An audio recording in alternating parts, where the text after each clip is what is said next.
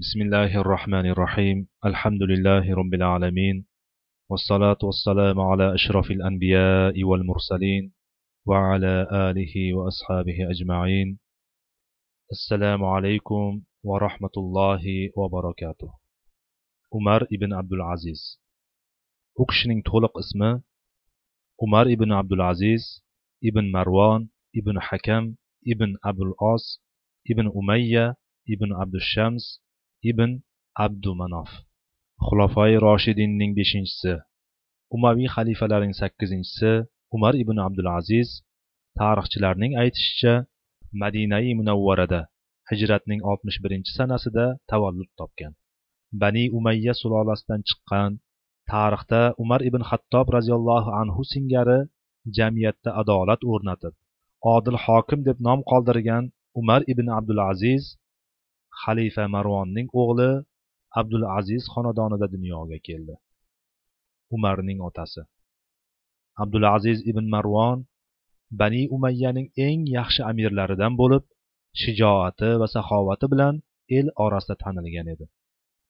Qariyb yigirma yil misrning amiri bo'lgan abdulaziz dini diyonatda mustahkamligidan uylanishi oldidan o'z ustoziga menga shubha aralashmagan pullarimizdan to'rt yuz dinor bersangiz taqvodor xudojo'y va ahli ilmlar xonadoniga sovchi qo'ysam deydi. Keyin umar ibn xattob roziyallohu anhuning nabirasi laylo binti osim bilan turmush quradi. Umar ibn xattob xonadonida tug'ilib voyaga yetgan qizni juft halollikka ixtiyor qilishi abdulazizning yigitlik davrida ham axloqi go'zal ilmga va fazilatga tashna insonligiga dalolat qiladi. U yoshligida abu hurayra va boshqa bir qancha sahobalardan hadis eshitgan va ularning ilm halqalarida o'tirgan edi. Umarning onasi.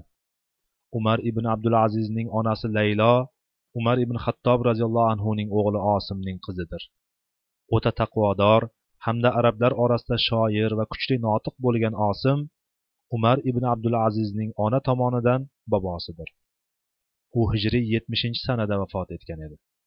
Umarning ona tomonidan buvisi amirul mo'minin umar ibn xattob roziyallohu anhu zamonidan beri tarix zarvaraqlarini bezab kelayotgan mashhur qissa sohibasi. Bandasidan emas yaratganning o'zidan odamlar ko'zidan xoli holatda ham qo'rqqan sutchining qizi. Sevimli xalifamiz umar ibn abdulazizning momosidir.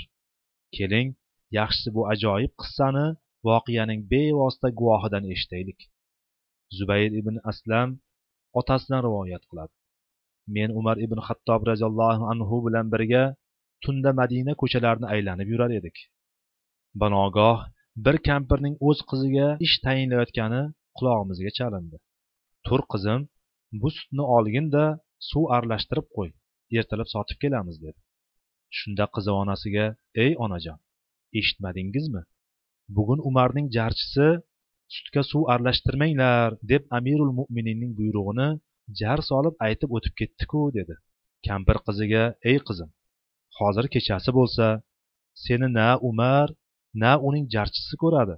Tura qol tezda aralashtir dedi.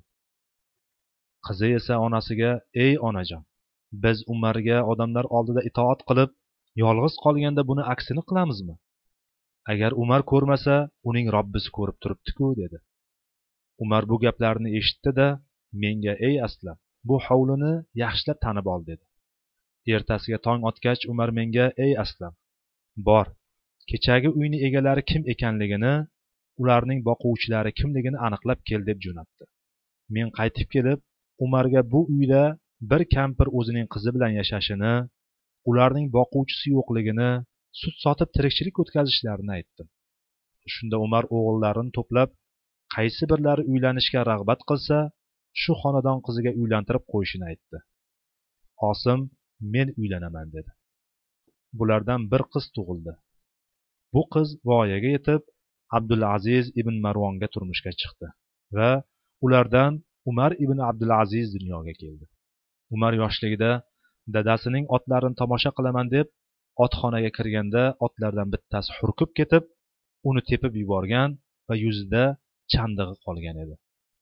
Orqasidan kirgan dadasi uning yuzidan qonlarni artar ekan agar izi qolsa bani umayyaning sayyidi bo'lasan deb erkalatgan edi. Umar ibn hattob roziyallohu anhu ham tush ko'rib shoyat mening naslimdan yuzida chandig'i bori dunyoda adolat o'rnatsa degan edi. Xuddi shunga o'xshash tushni umar ibn hattobdan boshqalar ham ko'rgan edi. Tushning ta'biri esa qisqa fursatda o'z tasdig'ini topdi. Umar ibn abdulazizning yoshligi madinai munavvarada o'tdi. Yosh umar onasining amakisi abdulloh ibn umar roziyallohu anhuning oldiga tez tez borib turar edi. Hatto onasiga bir necha bor onajon men ham amakim abdullohga o'xshagim keladi deb aytganda onasi agar dunyoda zohid g'arib bo'lsang albatta amakimga o'xshagan bo'lasan deydi. Umar madinada ilm talabida yurgan davrda dadasi abdulaziz misrga amir etib tayinlanadi.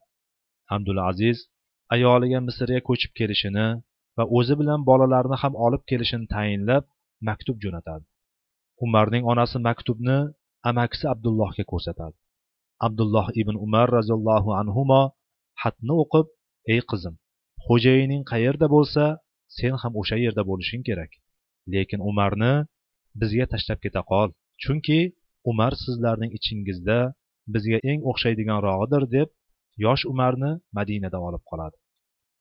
Onasi misrga yetib kelgach abdulaziz nega o'g'lini ham olib kelmaganini so'raganda abdulloh ibn umar olib qolganini aytadi.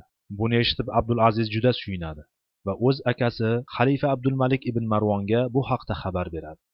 Xalifa buni eshitib umar uchun har oyda ming dinor tayin qiladi. Shubhasiz umar ibn abdulazizning kelajakda komil inson va odil siyosatchi bo'lib yetishiga madina hayoti katta ta'sir qilgan edi. Qandag'on ta'sir qilmasin. U umar ibn hattob roziyallohu anhu xonadonida tog'alari qo'lida tarbiya topdi. Madinadagi payg'ambarimiz sollallohu alayhi vasallamning sahobalarining axloqlarini ko'rib ulg'aydi. Eng toza va eng musaffo jamiyat yetishtirib chiqargan ulug' siymolarning ilm va ma'rifat bulog'idan sipqirib ichdi. Umar yoshligidan ilmga berildi. Madinai munavvara ulamolarining ilm halqalarida o'tirdi. O'sha davrdagi olimu fozil kishilar suhbatidan bahramand bo'ldi. Yoshlik chog'idayoq qur'oni karimni mukammal yod oldi. U ilmga chanqoqligi va zehnining o'tkirligi axloqining go'zalligi bilan tengdoshlaridan ajralib turardi. Yosh bo'lishiga qaramay qur'oni karim tilovatiga qattiq berildi. Qur'on o'qiganda tadabbur va tafakkur bilan to'xtab to'xtab yig'lab o'qir edi bir kuni onasi nega yig'lashi sababini so'raganda o'lim oyatlari kelganda o'zini tutolmayotganini aytdi.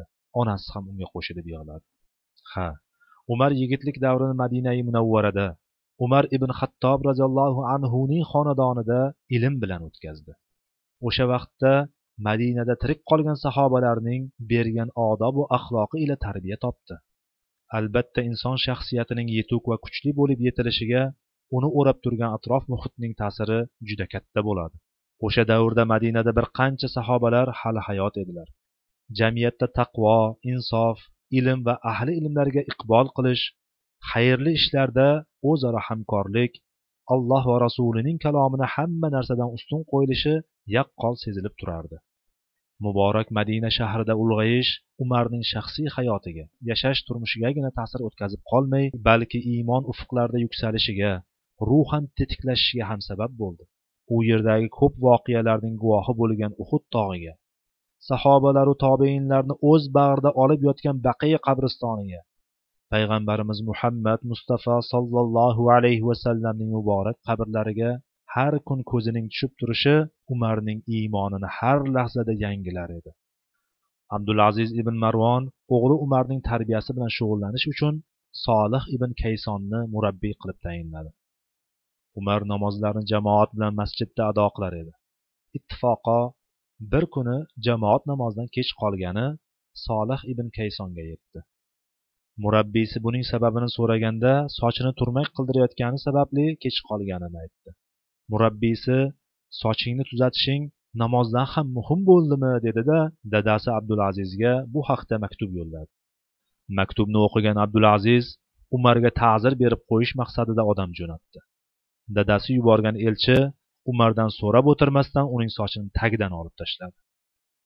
Umar ibn abdulaziz namozni rasululloh sollallohu alayhi vasallam o'qiganidek o'qishga qattiq harakat qilar edi. Hatto har bir ruku va sujudlarda yuztalab tasbeh aytgani rivoyat qilingan. Haj qilishga kelayotgan abdulaziz madinada solih ibn kaysondan o'g'li haqida so'raganda ustozi bu boladan ko'ra qalbida allohni ulug'lovchiroq kishini bilmadim deydi. Umar madinada ko'p ustozlardan tahsil oldi. Bulardan said ibn musayyib umardan boshqa amirlar majlisida o'tirmasdi.